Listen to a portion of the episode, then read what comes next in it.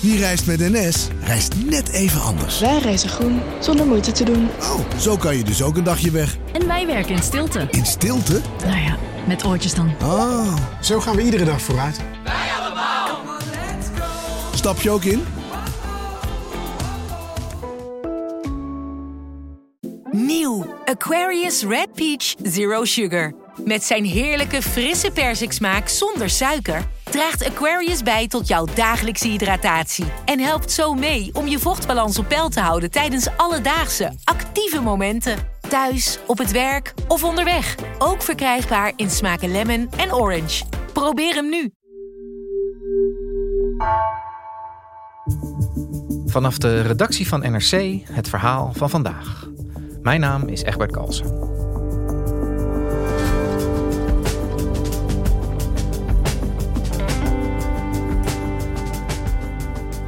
De Oekraïense hoofdstad Kiev leek de afgelopen maanden relatief veilig.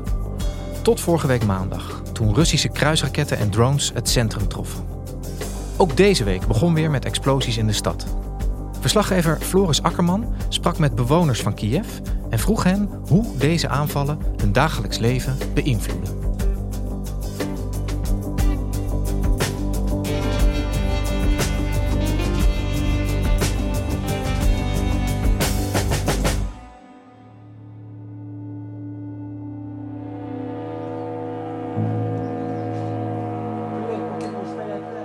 Floris, we horen hier het geluid van, uh, van een droneaanval. Uh, we zitten hier op maandagochtend in de studio. Uh, kan jij eens vertellen wat er deze ochtend in Kiev gebeurd is? Het is het eerste wat ik doe, op mijn telefoon kijken s ochtends. En deze ochtend zag ik beelden van een drone. er waren meerdere drones, maar in ieder geval één drone die over Kiev vloog. Het is een soort van vleermuis dat je, dat je ziet. Die vloog over de stad en belandde ergens, explodeerde in de stad zelf.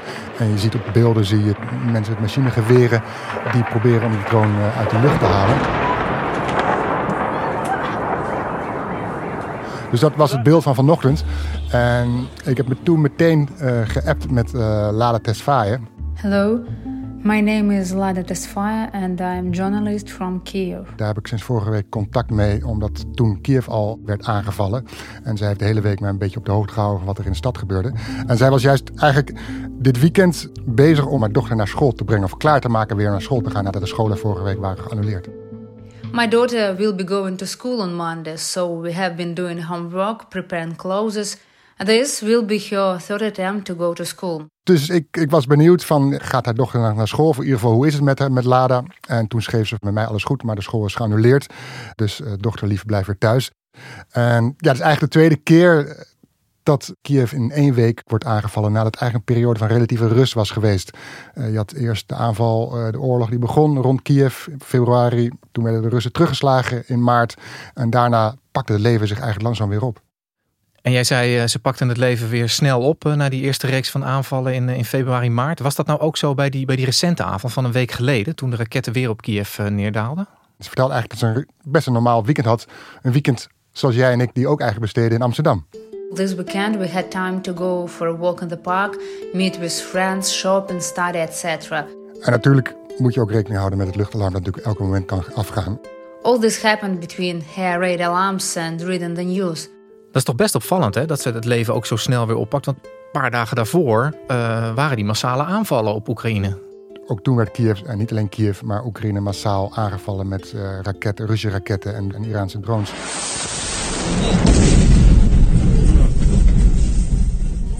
Zware Russische aanvallen op Oekraïne. Explosies in het hele land.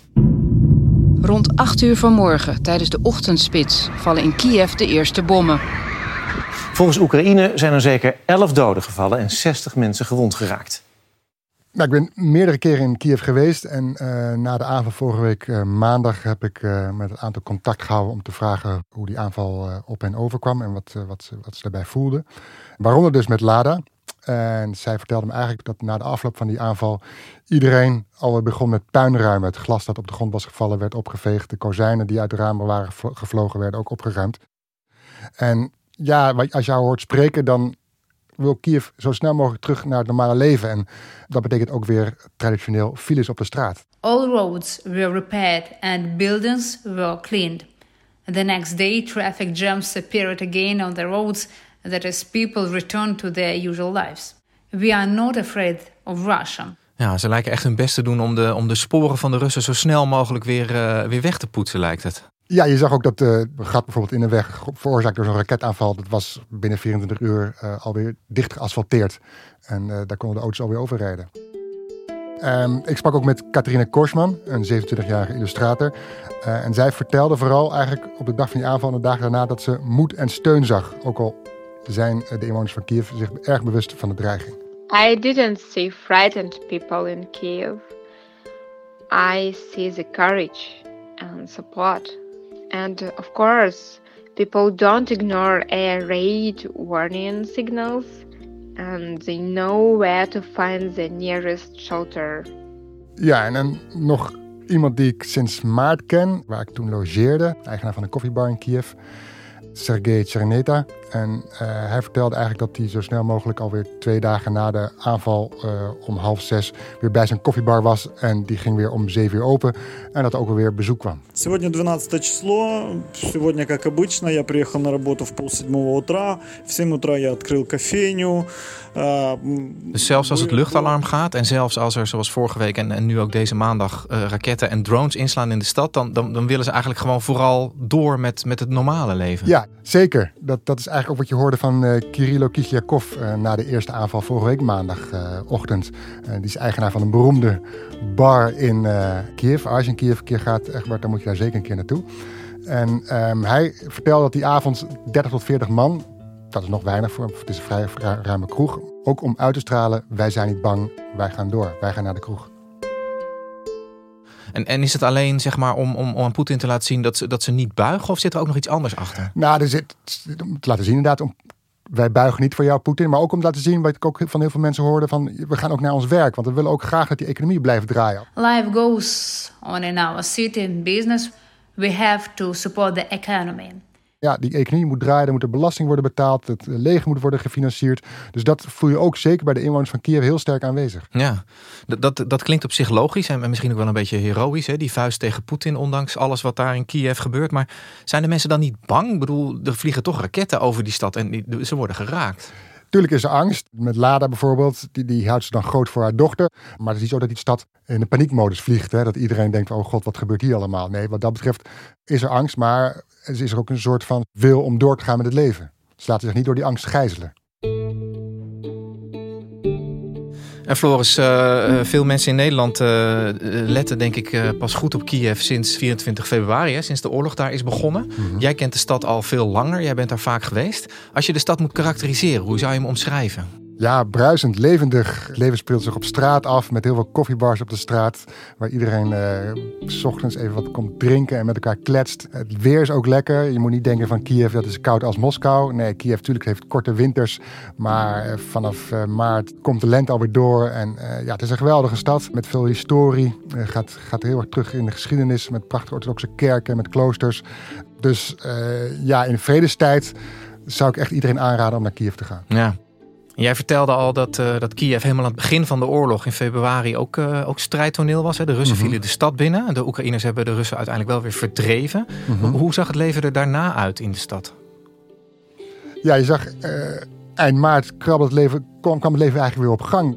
Wat, je, wat ik hoorde toen van mensen, ja, na die eerste maand, dat, toen waren de inwoners van Kiev zaten echt binnen, in, shock, in afwachting van wat er ging gebeuren met de stad. En die dachten, de Russen komen hier. Maar op een gegeven moment voelden ze dat het veiliger werd en dan gaan ze ook de straat op. En toen zag je alweer de eerste koffiebars opengaan. En zo breidde het zich eigenlijk uit. Het openbaar voer ging weer rijden, de bussen, de trams, de metro's gingen weer rijden. Ook van het weekend introduceerden ze in de bussen dat je met je bankpas kan betalen. En dat zijn, ja, dat staat, denk je dat het misschien is heel erg gek. Van ja, je wordt aangevallen, dus een oorlog gaan. Maar ondertussen gaat die ontwikkeling van de stad wel door. Bijvoorbeeld ook Catharina, die ik sprak, hè, Korsman, die was juist gevlucht naar Polen. Maar omdat Kiev veilig leek, was ze juist, naar de zondag voor de eerste aanval, was ze juist naar Kiev gegaan om weer vrienden en familie te ontmoeten. En ze zei ook, ik was eigenlijk een plan om daar de toerist uit te hangen. Totdat die maandagochtend uh, de Russische raketregen haar toeristische uh, plannen helemaal dwarsbonen. I was surprised because there hadn't been such a massive attack since the beginning of the war.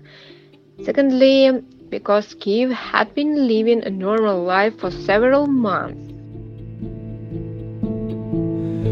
Ja, en Floris, uh, toen jij vorige keer hier uh, tegenover mij zat in de podcaststudio, was jij net terug uit Kiev, uh, jouw -hmm. trip in maart. En ik herinner me dat jij mij toen vertelde dat inderdaad dat leven weer er redelijk normaal uitziet in Kiev. Behalve dan dat er de hele tijd een luchtalarm afgaat. Dat luchtalarm, ja, dat gaat constant, althans dat gaat geregeld af, s'nachts, overdag. En ik heb toen later gevraagd van, aan iemand, en ik heb ook gelezen een Oekraïns artikel van hoe werkt het luchtalarm eigenlijk. Dat werkt als volgt. Oekraïne, het Oekraïnse leger. Ja, ik ben geen militair expert, dus hou me er niet aan vast. Um, die weet op een gegeven moment dat een raket ergens wordt afgevuurd vanuit Rusland of ergens op Russische uh, schepen in de Zwarte Zee richting Oekraïne. Ze weten alleen nog niet waar die raket gaat terechtkomen. Dus wat ze doen is door heel Oekraïne laten ze het luchtalarm afgaan. En, maar gaandeweg gaan ze die baan van die raket natuurlijk zien en weten ze ongeveer waar die welke richting op gaat. Dus dan betekent dat als je ziet van hij gaat richting Lviv, dat je het luchtalarm het zijn veilig weer in Odessa kan laten klinken. Of in, in noem eens een andere stad, Kharkiv, als, die, uh, als je ziet dat die raket niet kant op gaat. Dus dan klinkt daar weer het zijn, veilig. Maar op het moment dat, je, dat het luchtalarm afgaat, weet je dat er ergens een raket terecht kan komen. En als bijvoorbeeld een raket wordt afgevuurd vanaf de Zwarte Zee met een snelheid van 800 kilometer naar Kiev, en ze weten dat op dat moment, dan hebben de inwoners van Kiev een uur de tijd om te vluchten. Om de schuilkelders in te gaan. Maar als een raket vanuit Belarus komt, Wit-Rusland, en dat ligt, eh, Kiev ligt noorden van, van Oekraïne, dan hebben ze nog maar 20 minuten om ergens een plek te vinden. Maar het betekent ook dat de inwoners van Kiev dus honderden keren een luchtalarm hebben horen afgaan zonder dat er iets gebeurde. Ja, dat, dat klopt. Ja. Het kan ook zo zijn dat je stad niet wordt geraakt, omdat een andere stad of een andere plek wordt geraakt, of een andere infrastructuur of een energiecentrale of uh, station, dat ook wel eens regelmatig gebeurt.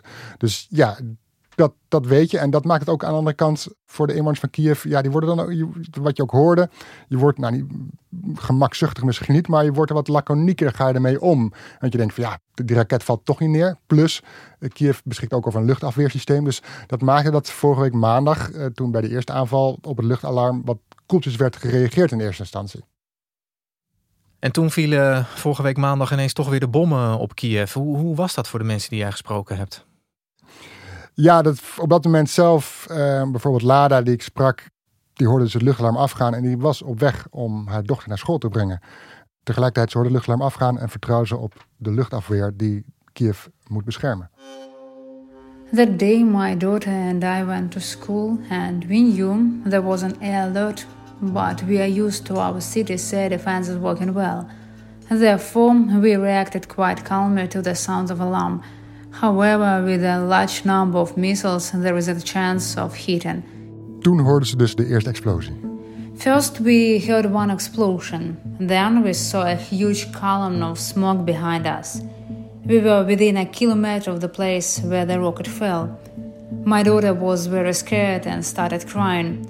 En uh, ze zijn toen gevlucht naar de schuilkelder van de school, waar docenten gewoon les gaven ter afleiding en de ouders het nieuws volgden. Teachers distracted children with lessons and conversations. Parents read the news. We were shocked by the situation. After all, the rocket hit the children's playground in the center of the city where children walk every day. We were in a bomb shelter for more than five hours while the Russians bombed the all of Ukraine. En, en hoe zwaar is de stad eigenlijk geraakt? Als je kijkt naar de avond van vorige week, dan op heel Oekraïne waren er 84 raketten afgeschoten. Daarvan werden er 43 uit de lucht gehaald. Er waren 24 drones werden afgevuurd op Oekraïne en daarvan zijn 13 uitgeschakeld. Dat betekent, schreef eh, de burgemeester eh, van Kiev in ieder geval op, dat wat betreft Kiev dus, er 45 woongebouwen, 6 onderwijsinstellingen, 6 culturele instellingen, 5 ziekenhuizen en 2 overheidsgebouwen zijn beschadigd. Uh, dus je ziet dat het gaat niet alleen om militaire objecten, maar duidelijk om waar burgers verblijven of waar voorzieningen die van, voor burgers van belang zijn. De informatie van de avond van deze week die is nog te vers om te weten wat er uh, precies is geraakt. Ja, want, want juist Kiev was, was relatief lange tijd verschoond gebleven van Ja, Russische aanvallen. ja, Waarom ja. is dat nu dan weer opgeleid? Heb je daar eh, een idee over? Er zijn verschillende theorieën of ideeën over. Er werd gedacht van dit is een revanche-aanval op de Krimbrug. De Krimbrug was dat weekend daarvoor eh, aangevallen door de Oekraïners. De Krimbrug, de, de, de brug tussen het Russische vasteland land en de, de Krim dat eh, Rusland heeft geannexeerd in 2014. Die raketaanval zou een, een, wraakactie zijn van de Russen. Dat hebben ze misschien onder die vlag gehangen, onder die noemer. Blijkt wel achteraf dat die raketaanvallen, dat lag al langer al in de ijskast. Dat was zo'n groot opgezette aanval, dat was onmogelijk om het even binnen een paar dagen te, te, te bedenken op touw te zetten. Dus die plannen lagen waarschijnlijk paraat. Wat je hoort van als je Lada spreekt en Katerina en Sergej, is dat zij door ook bijvoorbeeld de elektriciteit te raken en de kern en de energiecentrale en de infrastructuur. En de winter komt eraan, dat is nu een van de grootste items in Oekraïne. Ja, de afgelopen zomer kon je nog wel zonder elektriciteit, kon je nog wel zonder gas. Buiten was het lekker warm, dan kon je op straat kon je nog wel rondhangen. Maar nu de winter aankomt, heb je gewoon je huis nodig met elektriciteit, met, met gas, met alle voorzieningen die je eigenlijk hebt, nodig hebt om te leven. Doordat Rusland die uh, voorzieningen aanvalt nu en probeert uit te schakelen, hoopt, is de lezing van, van deze vier inwoners van Kiev, dat uh, de Oekraïners gaan zeggen, ja Zelensky, het is klaar nu. We willen onze elektriciteit, we willen gewoon een warm huis, we willen kunnen, die winter willen we normaal kunnen uh, doorstaan. En als ze druk gaan uitoefenen op Zelensky, de straat op gaan, protesteren en zeggen tegen Zelensky, ga onderhandelen met Rusland en dan kunnen wij weer gewoon rustig thuis leven in de winter. En het lijkt er dus op dat Poetin zeg maar, het sentiment in Oekraïne wil, wil, wil keren hè, door die burgers aan te vallen. Uh, en in de hoop dat zij zich tegen hun eigen regering uh, gaan keren, tegen Zelensky gaan keren. Lukt dat ook een beetje? Nee, dat lukt totaal niet. Catharina zei tegen mij van ja, door het raken, door het beschieten van openbare plekken worden we eigenlijk alleen maar bozer. En gaan we Rusland, willen we eigenlijk ja, niks beschouwen als terroristen. Mm, the only difference between September 11 And now in October, the 10 is that the world still doesn't recognize Russia as a terrorist country because they destroy city infrastructures, schools, hospitals, target shopping centers, offices. Waarom beschiet je openbare plekken? Uh, als je in oorlog bent, val je militaire objecten aan, niet burgerdoelen. There is no point in negotiating with terrorists. We have one goal to expel the enemy from our land and we will win. Wat je ook zag, de eerste reactie was Bijvoorbeeld Sergej vertelde meteen, schreef meteen... ja, ik heb samen met mijn vrouw geld gedoneerd aan drie instellingen... die daarmee drones voor het leger kunnen kopen. Dus binnen 24 uur was er 9 miljoen euro opgehaald... om daarvan militaire drones te kopen. Dus je ziet meteen van, ze komen meteen in actie. En Floris, uh, nou, ik denk dat we wel kunnen zeggen dat de realiteit in Kiev uh, nogal veranderd is hè, de afgelopen week. Um, hoe gaat het nou verder met die mensen daar? Ja, je ziet duidelijk een, een verschuiving van, van het beeld in Kiev ten opzichte van uh, voor vorige week maandag. Mensen nemen het luchtalarm weer serieus. Dat is echt, dat bewust is nu ingedaald van nee, we kunnen niet zo makkelijk overheen stappen of we kunnen niet doorgaan met ons le normale leven. Nee, ze gaan weer de schuilkelders in, ze gaan weer de metro in. Wat Sergej tegen mij zei, was deze aanval van vorige maandag herinnert ons eraan dat er een oorlog in Oekraïne plaatsvindt. En tegelijkertijd zie je dus ook die voorzieningen die worden geraakt, is ook de volgende uitdaging voor Kiev. Uh, niet alleen voor Kiev, maar voor heel Oekraïne. Hoe komen we uh, goed de winter door als, onze, uh, als van alles wordt, elektriciteit wordt aangevallen, als de ziekenhuizen worden aangevallen. Hoe wapenen we ons tegen die winter? Ja.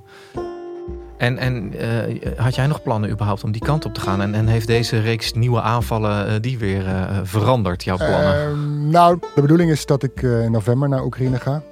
niet naar Kiev. Dat was niet mijn oorspronkelijke plan. Ik wilde afreizen richting Kharkiv en dan afzakken naar, naar het front daar in het oosten. Misschien dat die plannen zich nu wijzigen. Dan ga ik daar naartoe. Um, en dan zal ik ook zeker even met Sergej een kop koffie drinken in zijn koffiebar. En, en hoe moet het nou verder met, uh, met Lada en haar dochtertje die maar niet naar school kan? Ik heb Lada daar niet zelf over gesproken, maar Lada kennende, daarvoor was het kort dag voor deze uitzending. En niet alleen Lada kennende, maar heel Oekraïne, die laat zich niet kennen door deze aanvallen. Die zullen de rug rechten en terugvechten en geld blijven doneren en niet opgeven en uh, tot, tot de laatste snik doorvechten, tot de, tot, tot de laatste Rus Oekraïne heeft verlaten. I don't know what will happen tomorrow, but now we live.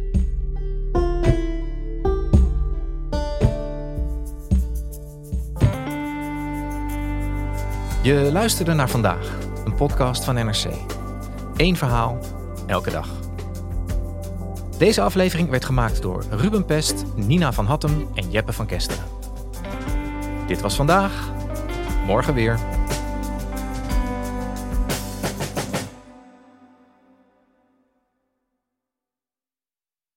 We zijn heel benieuwd wat jij van onze podcasts vindt. Je helpt ons enorm door een korte vragenlijst in te vullen op nrc.nl/slash podcastonderzoek. Dankjewel.